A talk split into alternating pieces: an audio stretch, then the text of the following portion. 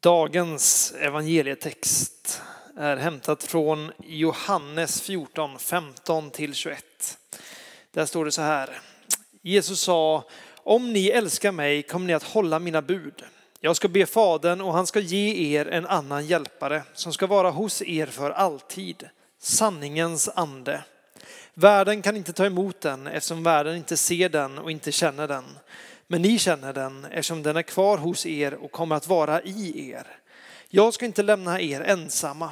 Jag ska komma till er. Ännu en kort tid, sedan ser världen mig inte längre, men ni ska se mig, eftersom att jag lever och ni kommer att leva. Den dagen ska ni förstå att jag är i min fader och ni i mig och jag i er. Den som har mina bud och håller dem, han älskar mig och den som älskar mig skall bli älskad av min fader och jag ska älska honom och visa mig för honom. Så lyder det heliga evangeliet. Lovad vare du Kristus. Helige Ande, vi, vi välkomnar dig. Vi tackar dig för att det här är en vecka då vi får påminnas om vem du är. Så vi ber dig kom och uppenbara sanningen för oss. Kom och visa oss på nytt vem du är. Fyll oss med din kraft, med ditt liv och med ditt hopp. Helande, jag ber för var och en som är trött och sliten, varje person som är glad och energifull. Jesus, här, jag ber att du får komma och ingjuta ditt hopp i oss. Kom och fyll på oss med vem du är, Herre. I Jesu namn. Amen.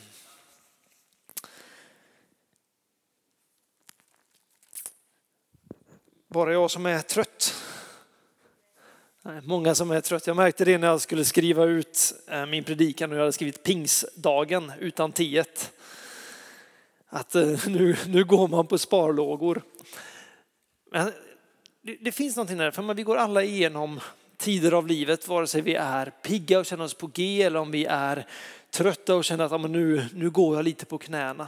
Så har Gud lovat att han ska ge oss sin ande som ska vara som en källa av levande vatten på vår insida. Så vare sig vi är uppe på berget eller vi är långt nere i dalen så finns det ett liv som flödar ifrån Guds tronrum på vår insida. Och jag tror att det vi behöver göra på något sätt är att justera tillbaks blicken. Veta vart hämtar jag min kraft ifrån? Var hämtar jag glädjen när livet känns kaos?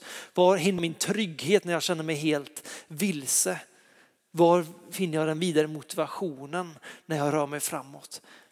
I den platsen där Gud bor i oss. Det är en, det är en stor grej med pingst. Därför det är ett enormt skifte i historien. Gamla testamentet, vi kommer komma in lite på det senare, men det gamla, gamla testamentet är fullt av den heliga ande. Om och om igen så står det om hur den heliga ande eller Herrens ande eller Guds ande kommer över människor. Fyller dem med kraft, fyller dem med vishet, gör så att de profeterar. Vad det än är så är det så genomsyrat av Guds ande. Guds ande är inte någon ny uppkomst som kom efter att Jesus hade eh, stigit upp till himlen. Utan under hela historiens lopp så har den heliga ande varit med.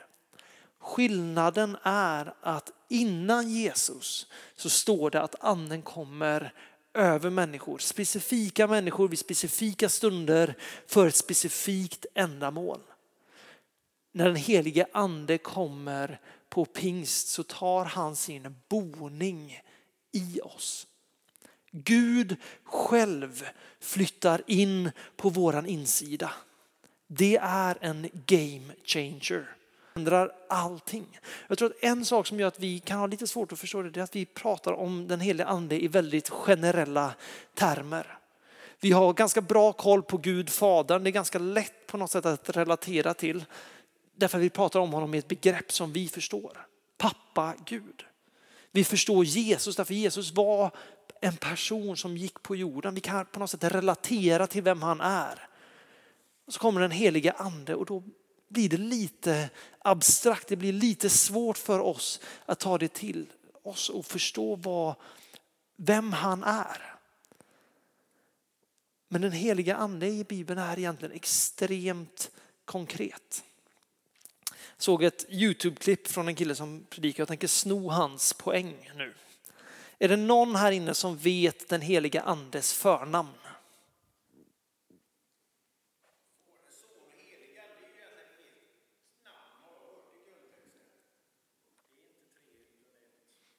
Ja, så kan man se det. Några andra förslag?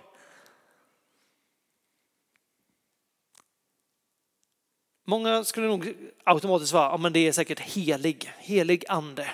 Helig är bara liksom beskrivningen, det är ett adjektiv av vad han är i sin natur. Han är helig. Man vill säga att hans förnamn är Gud. Lite vad du är inne på David. För vi säger Gud Fadern, Gud Sonen, Gud den heliga ande. Så ofta så tror jag, jag vet inte hur det är för dig, men jag kan i alla fall så ofta tänka den heliga ande, men han är någon kraft som svävar omkring. Den heliga ande är på något sätt maskinen som förlöser det jag har bett Gud om. Men när Bibeln talar om honom så är det ganska konkret en person. Det är en del av Gud själv, precis som Gud Fadern är en person som vi kan relatera till, precis som Jesus är en person som vi kan relatera till, så är den helige Ande i sig en person som vi kan få möta, som vi kan få en relation till och som kommer in. Han är inte abstrakt. Jesus säger så här i Johannes 16. Jag säger er sanningen. Det är bäst för er att jag går bort. Ty om jag inte går bort kommer inte hjälparen till er. Alltså en person hjälparen. Men när jag går bort ska jag sända honom till er. Och när han kommer skall han överbevisa världen om synd och rättfärdighet och dom. Om synd, ty de tror inte på mig. Om rättfärdighet, ty jag går till Fadern och ni ser mig inte längre. Om dom, till denna världens furste är dömd. Jag har ännu mycket att säga er, men ni kan inte bära det nu. Men när han kommer, sanningens ande, då ska han föra er in i hela sanningen. Ty han skall inte tala av sig själv, utan allt det han hör skall han tala och han ska förkunna för er vad som kommer att ske. Han skall förhärliga mig. Ty det som är mitt skall han ta och förkunna för er. Allt vad Fadern har är mitt. Därför sa jag att han skall ta av det som är mitt och förkunna för er. Jag tror att vi, om man bara kollar genom historien så är det väldigt lätt för oss att hamna i ett av två diken. Antingen går vi in i en tradition där vi nästan inte benämner den helige ande. Den helige ande blir abstrakt och det känns flummigt och det känns orelaterbart så vi liksom minimerar hans utrymme. Eller så hamnar vi i andra diket i den överkarismatiska rörelsen där allt man pratar om är den heliga andes uttryck. Det handlar om att man ska falla på golvet och skratta. Det handlar om att man ska känna att det är värme i händerna och man ska se moln i himlen. Och det är det man betonar. Jag skulle säga att ingenting av det är rätt. Därför den, i den första ande är absolut central. Det går inte att leva ett kristet liv utan en relation med den helige ande. Det är han som gör oss nya på insidan. Det är han som gör så att vi får kontakt med Gud. När vi hör Guds röst är det den heliga ande som talar. När vi ska gå ut och göra det som Jesus befallde oss så behöver vi den heliga ande. Därför är det den heliga ande som skapar tron i oss. I det andra diket så talar man om vad som händer när den heliga ande rör sig. Vad som händer när man liksom kan börja se de här grejerna som man tycker det är häftigt och man tycker det är spännande och det är oförklarligt. Problemet är att vi lägger fokus på en manifestation och inte på det som den helige ande faktiskt gör. Jag hörde Bill Johnson säga en grej att det spelar ingen som helst roll ifall du ramlar på golvet i den helige ande. Att du faller har ingen som helst funktion i ditt liv. Det som har en funktion i ditt liv, det är vad den helige ande har gjort i dig när du reser dig upp. Den helige ande, precis som Jesus, han kommer för att uppenbara världen om sanningen. Han kommer in och förnyar och ger liv. Han kommer för att han vill hela oss och han fyller oss med kraft för att kunna göra det Gud kallar oss till. Allt det där andra, det är bara sånt som händer när det andliga möter det jordiska. Jag tycker det är ganska intressant därför att man kan ganska ofta vara kritisk mot karismatiska uttryck. Man kan ifrågasätta det och säga att det där vill inte jag ha någonting att göra med. Problemet med det är att det är rakt igenom bibliskt. Bibeln är full med uttryck och berättelser om vad som händer när Gud möter det jordiska. Bara ett eh, par exempel. Står så här i första Samuelsboken 19, 20-24. Och det här är Saul, kung Saul, han är på jakt efter David. Han vill få tag i honom, han vill döda honom för att David har blivit ett hot för hans plats på tronen. Så han sänder människor ut för att leta efter David. Då står det så här i första Samuelsboken 19, vers 20-24. Då sände Saul dit några män för att hämta David. Men när männen fick se skaran av profeter som profeterade och fick se Samuel stå där som deras anförare, kom Guds ande över dem så att också de profeterade. När man talar om detta för Saul sände han dit andra män, men också de profeterade. När han då för tredje gången sände dit andra män profeterade de också. Då begav han sig själv till Rama. När han kom in till den stora brunnen i Seku frågade han, var är Samuel och David? Man svarade, det är i Najot i Rama. Då begav han sig dit till Najot i Rama, men Guds ande kom också över honom så att han hela vägen gick och profeterade ända till dess han kom fram till Najot i Rama. Då tog han av sig kläderna och profeterade, också han inför Samuel. Han blev liggande naken hela den dagen och hela natten. Därför brukar man säga också Saul är bland profeterna. Jag hade inte varit bekväm om det var någon som helt plötsligt började klä av sig naken medan han profeterade här inne. Men det händer någonting med Saul när Guds ande kommer över honom. David läser det från pingstdagen när anden kom över och det är som eldtungor över apostlarna. Det syns, det är konkret, det är en manifestation av den heliga ande på plats där man tydligt ser någonting hända.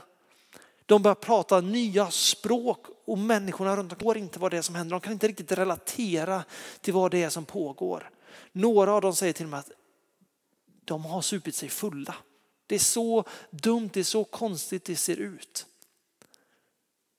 Men vi vet utifrån Bibeln att det är den heliga ande som verkar i dem. Det står så här i Amos 8.11. Se dagar skall komma, säger Herren, Herren, då jag ska sända hunger i landet. Inte en hunger efter bröd, inte en törst efter vatten, utan efter att höra Herrens ord. Jag ser just nu i, i världen, jag märker det liksom på utbildningen där jag har gått, där man har pratat med vissa människor och människor man möter på gatan. Det finns en hunger efter det andliga. Människor söker efter någonting av det andliga. Därför vi är skapade för att vara öppna för det andliga. Vi är skapade för att ha relation med anden, den heliga ande. Problemet är att kyrkan är ganska dålig på att ge det andliga. Det gör att människor idag söker sig österut mot Asien och de går in i andlig yoga och de går till shamaner och de får en andlighet som är osund, en andlighet som är bindande och som är destruktiv. Vi borde vara experter på det andliga, för det är det som hela våran tro bygger på. Den helige ande. Att han faktiskt verkar idag, att han vill ha med oss att göra, att han vill göra sitt avtryck i oss. Men allt för ofta så stänger vi ute det andliga eller så lägger vi fokus bara på uttrycken av det. Men om vi börjar tänka på att den heliga ande är en person. Den heliga ande är någon som kommer att ta sin boning i oss. Så förändrar det hela perspektivet. Därför det går från att jag längtar efter, men jag vill uppleva det här uttrycket till att jag vill att den heliga ande gör någonting med mitt hjärta. Jag vill att Gud får förvandla mig, han får göra mig mer lik Jesus. Det här har varit en kamp för, för mig under mitt liv. Jag har varit med i karismatiska rörelser, jag har varit med i församlingar som har verkligen tryckt på andens gåvor och på, på möten med den helige ande. Och jag har sett människor som har fallit i anden och ligger under Guds kraft. Jag har sett människor som skrattar okontrollerat i anden och jag har inte upplevt det. Och det var en period i mitt liv var så här, varför händer inte det här mig? Vad är det för fel på mig? Vad är det som gör att jag inte får uppleva det här? Är det att jag har synd i mitt liv? Jag kunde liksom inte riktigt sätta fingret på det. Innan Gud på något sätt började uppenbara för mig att det jag sökte var egentligen inte honom. Jag ville vara med om någonting jag ville vara med om ett uttryck som skulle bekräfta någonting för mitt hjärta. Som på något sätt skulle visa att jag är med i familjen. Att Gud verkar i mig också. Men Gud har aldrig varit intresserad av att jag bara ska få vara med om liksom en händelse där min kropp skakar. Hans längtan för mig är att jag ska få en relation med honom som bär genom hela livet. Han är inte intresserad över andliga manifestationer. Men med det sagt, när det andliga möter det jordiska så blir det ibland reaktioner. Och det får vara. Det är helt okej. Okay. De får, det får ske. Men det viktigaste är att det är Gud som rör vid en människa. Jag var i, var i Tyskland för ett par år sedan eh, i en kyrka där och hade pratat, bara ventilerat de här tankarna med en, en präst från den anglikanska kyrkan innan som, som jag bodde hemma hos. Och han sa det till mig, liksom att, sluta sträva. Sluta söka och bara om Gud vill att det ska ske, då, då får det ske. Och jag tänkte okej, okay, det, det, det, låter ändå sunt när han uttrycker på det sättet. Och vi är i den kyrkan och jag liksom inser att den där manifestationen, det spelar ingen som helst roll för mig egentligen. Så är det en man som, som ber för mig och helt plötsligt märker jag att jag bara faller bakåt och jag landar på marken. Och i mitt huvud så börjar jag så här, för okej okay, men det här har jag tidigare längtat efter. Det här är vad jag har sökt. Så jag börjar liksom analysera vad det är som händer. Och jag märker det att under hela tiden som jag låg där, jag hade full kontroll över mig själv. Jag hade föreställt mig att jag skulle vara tryckt ner mot marken, att Gud bara skulle ta över fullt ut och bara göra grejer fullt ut. Och jag märker det att Gud låter mig vara med i bilden. Jag, jag låg där, jag märkte att Gud började göra saker med mitt hjärta. Men jag visste att jag kan resa mig upp när som helst. Jag har full kontroll över min kropp. Jag kan resa mig upp och gå ut och dricka kaffe om jag vill det. Eller så låter jag bara Gud fortsätta jobba på mitt hjärta. För det, den stunden blev en, det blev en brytpunkt i mitt liv där jag kom till den insikten att det Gud vill är att jag får lära honom. Att jag får bli en helare, friare människa. Inte att jag bara ska vara med om grejer. Därför när vi börjar lära känna den heliga ande, han kommer börja hela oss, han kommer börja upprätta oss och han kommer börja sända oss ut. Hans längtan är efter att andra människor ska få lära känna honom. Vi ser det genom hel, efter pingstdagen genom hela nya testamentet hur den heliga ande leder den tidiga kyrkan. Han sänder ut missionärer. Missionärerna är lyhörda, de ser vart Gud hänvisar dem. Paulus och jag tror det är Timoteus, eller om det är Titus, är på väg mot Makedonien när den helige ande säger stopp. Gå inte den vägen utan gå en annan väg och de ändrar riktning. Petrus och de andra vet inte om de ska gå till dem eh, mot hedningarna eller om de bara ska hålla sig till judarna. Men så märker de att den heliga ande är redan där och verkar. Om den heliga ande är där och verkar, då kan vi följa efter. Jag tror att allt för ofta så, som sagt, så hamnar vi i diket då när vi tänker att vi behöver inte den helige ande. Och då kommer vi aldrig vara en fungerande Kristi kropp. Eller så hamnar vi i diket där vi bara står och vi ska få vara med om någonting övernaturligt. Medan den heliga andes mål är att få upp oss på fötterna och få oss att gå ut. Att börja se vad är det han gör runt omkring oss. Att börja se vad är hans hjärta och när vi följer det så kommer vi få se Guds kraft på ett helt annat sätt. När jag bodde i Indien under ett halvår så var det en talare där som sa så här, vill ni ha mer av den heliga ande? Gå då till de som inte känner honom. För vart är den heliga ande och jobbar? Han försöker hela tiden dra människor till Jesus. Jag har märkt det när man ber för människor som inte känner honom. Det är så mycket lättare att be för helande eller för profetiska ord. Därför att den helige ande är där och han manar hela tiden, kom igen. Kom igen, berätta om vem Jesus är. Dra dem till Jesus. Johannes döparen sa så här om Jesus, så Johannes 3. Han måste bli större och jag måste bli mindre. Och jag tror att det är sant för våra liv idag. Och jag tror att det gäller den helige ande också. Ju mer plats vi ger till den helige ande i våra liv, desto mer av honom kommer vi få se.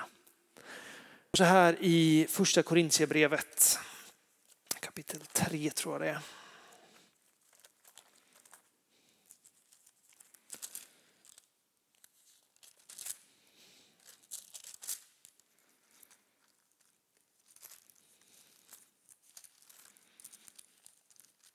Kapitel 6, vers 12 och framåt. Allt är tillåtet för mig men allt är inte nyttigt. Allt är tillåtet för mig men jag ska inte låta någon ta makten över mig. Maten är till för magen och magen för maten och båda skall Gud göra slut på. Men kroppen är inte till för otukt utan för Herren och Herren för kroppen. Gud har uppväckt Herren och genom sin makt ska han också uppväcka oss. Vet ni inte att era kroppar är Kristi lemmar? Ska jag ta Kristi lemmar och göra dem till en skökas lemmar? Nej, naturligtvis inte. Eller vet ni inte att den som förenar sig med en sköka är en kropp med henne? Det heter de två ska bli ett kött. Men den som är förenad med Herren är en ande med honom. Fly bort ifrån otukten. All synd som är människa All annan synd som en människa begår är utanför kroppen, men den otuktiga syndar mot sin egen kropp. Eller vet ni inte att er kropp är ett tempel åt den heliga ande som bor i er och som ni inte har fått av Gud och, ni, och att ni inte tillhör er själva. Ni har blivit köpta och priset är betalt, så förhärliga då Gud i er kropp. Här talar Paulus direkt in i en, en moralisk fråga kring kring sex och samlevnad i församlingen. Men hans fokus ligger egentligen i en kropp tillhör den heliga ande. Om den heliga ande är Gud själv och han bor i er. Vad händer då när jag börjar släppa in olika saker i mitt liv? Och vad händer när jag faktiskt helgar mig själv till honom? Har ni testat att blåsa upp en ballong någon gång? Jag antar att de flesta har gjort det. I början så är den ganska hård och det tar lång tid att blåsa upp den. Ju mer du blåser upp ballongen desto lättare blir det, desto mer sväller den. Jag tror att det är samma sak med den heliga ande i våra liv. Ju mer vi smakar av honom, ju mer utrymme vi ger honom, desto mer plats skapar det, desto lättare går det att ge utrymme. Han vill ha allt av oss. Som Bibeln säger, vi priset för oss är betalat. Vi tillhör inte längre oss själva utan vi tillhör den helige ande. Vi tillhör honom. När vi tar emot Jesus så blir vi inympade i honom. Vi lämnar över kontrollen till honom. Och han vill komma in och han vill leda oss samtidigt som han helar oss. Samtidigt som han befriar oss. Samtidigt som han lyfter oss upp Biten. Men vi väljer hur mycket utrymme den helige ande får. När vi ger en liten bit. Han kommer komma in och han kommer röra vid det. Men ju mer vi ger, desto mer kommer han att ta plats i våra liv. Och det kommer ta uttryck. Det kommer att visa sig. Först och främst kommer det inte visa sig i andliga manifestationer utan först och främst kommer det visa sig i hur vi lever våra liv. Hur vi möter andra människor, därför det är det Gud är ute efter. Världen söker andlighet, de söker ett ord ifrån Gud som faktiskt håller. Vårat jobb är att presentera den heliga ande för människor. Att faktiskt visa att den kristna tron den är andlig rakt igenom.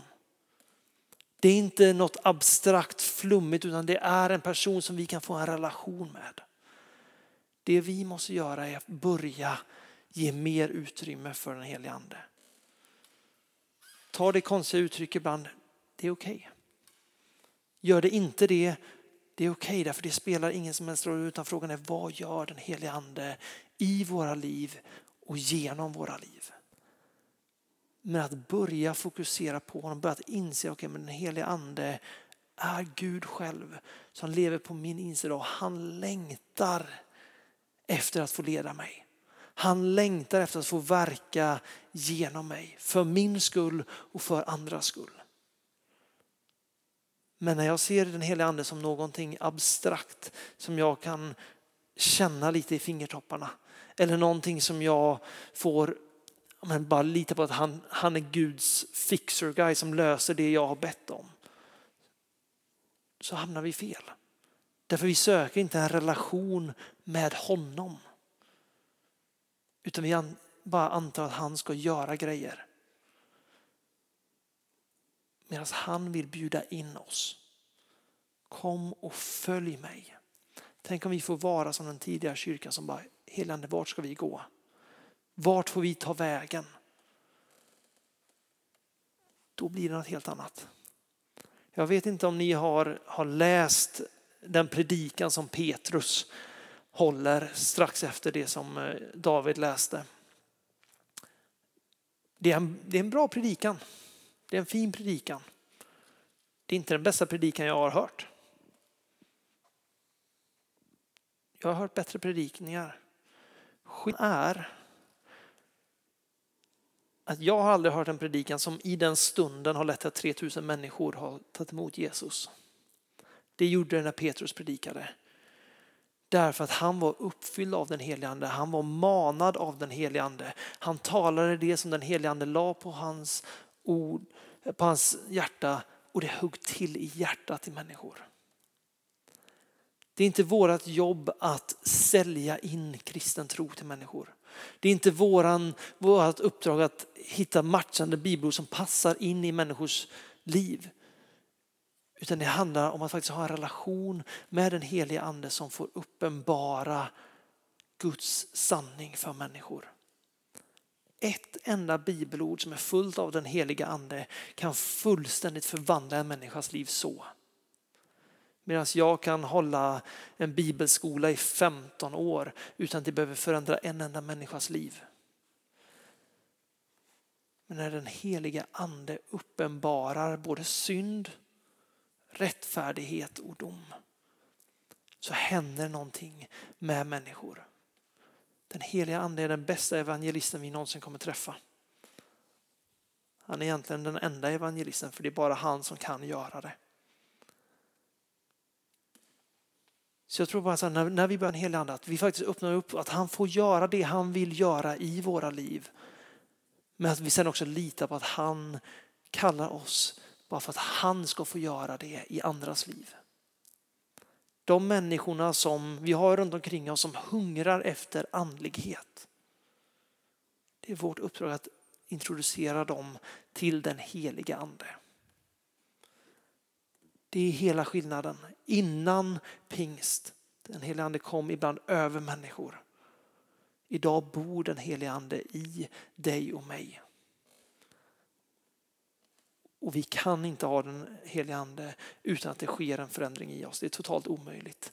Gud som har skapat allting bor i dig. Det innebär att vart du än går in så är du en majoritet.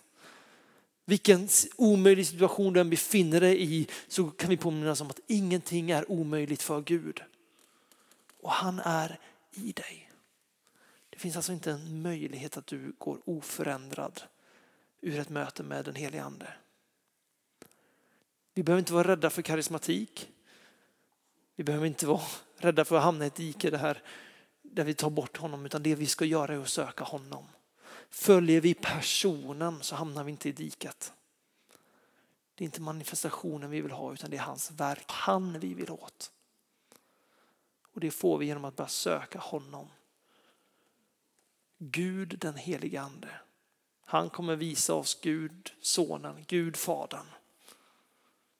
Hans jobb är att komma och visa oss sanningen. Hans jobb är att komma och visa oss Jesus, förhärliga Jesus. Vi behöver egentligen bara be honom, helande, visa mig mer av vem du är. Skapa utrymme i mitt liv. Jag är ditt tempel, kom och ta din plats i mig. Ett kristet liv är omöjligt utan honom. Men med honom så är allting möjligt.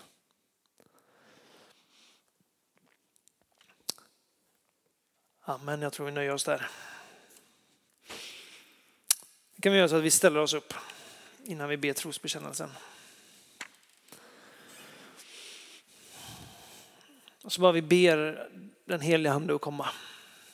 Och som sagt, det, det handlar inte om manifestationer. Känner du någonting så är det fine. Men vi vill möta den helige ande. Helige ande, vi välkomnar dig. Precis så som den du är. Precis så som den du är. Jesus, vi vill inte vara en person som söker efter tecken, utan vi vill vara följare av dig.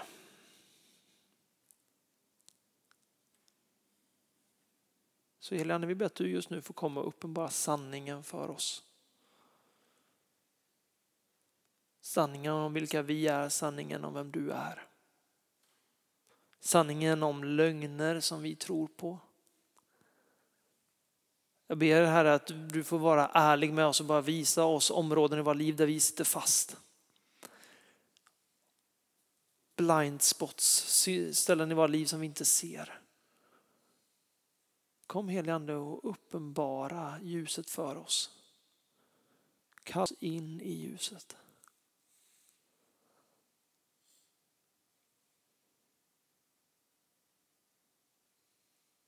Helena, jag ber att du får vidga din plats i våra liv. Vi ber att du får andas in djupt i oss.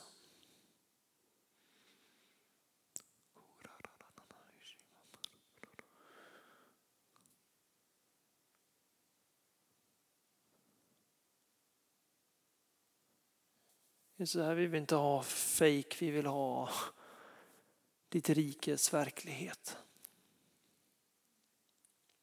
Vi behöver dig Jesus.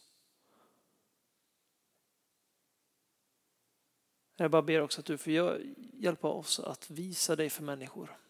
Människor som söker. Jag ber att du får börja sända människor till oss. Och i den stunden får du också ge oss frimodigheten till att uppenbara dig. Mm.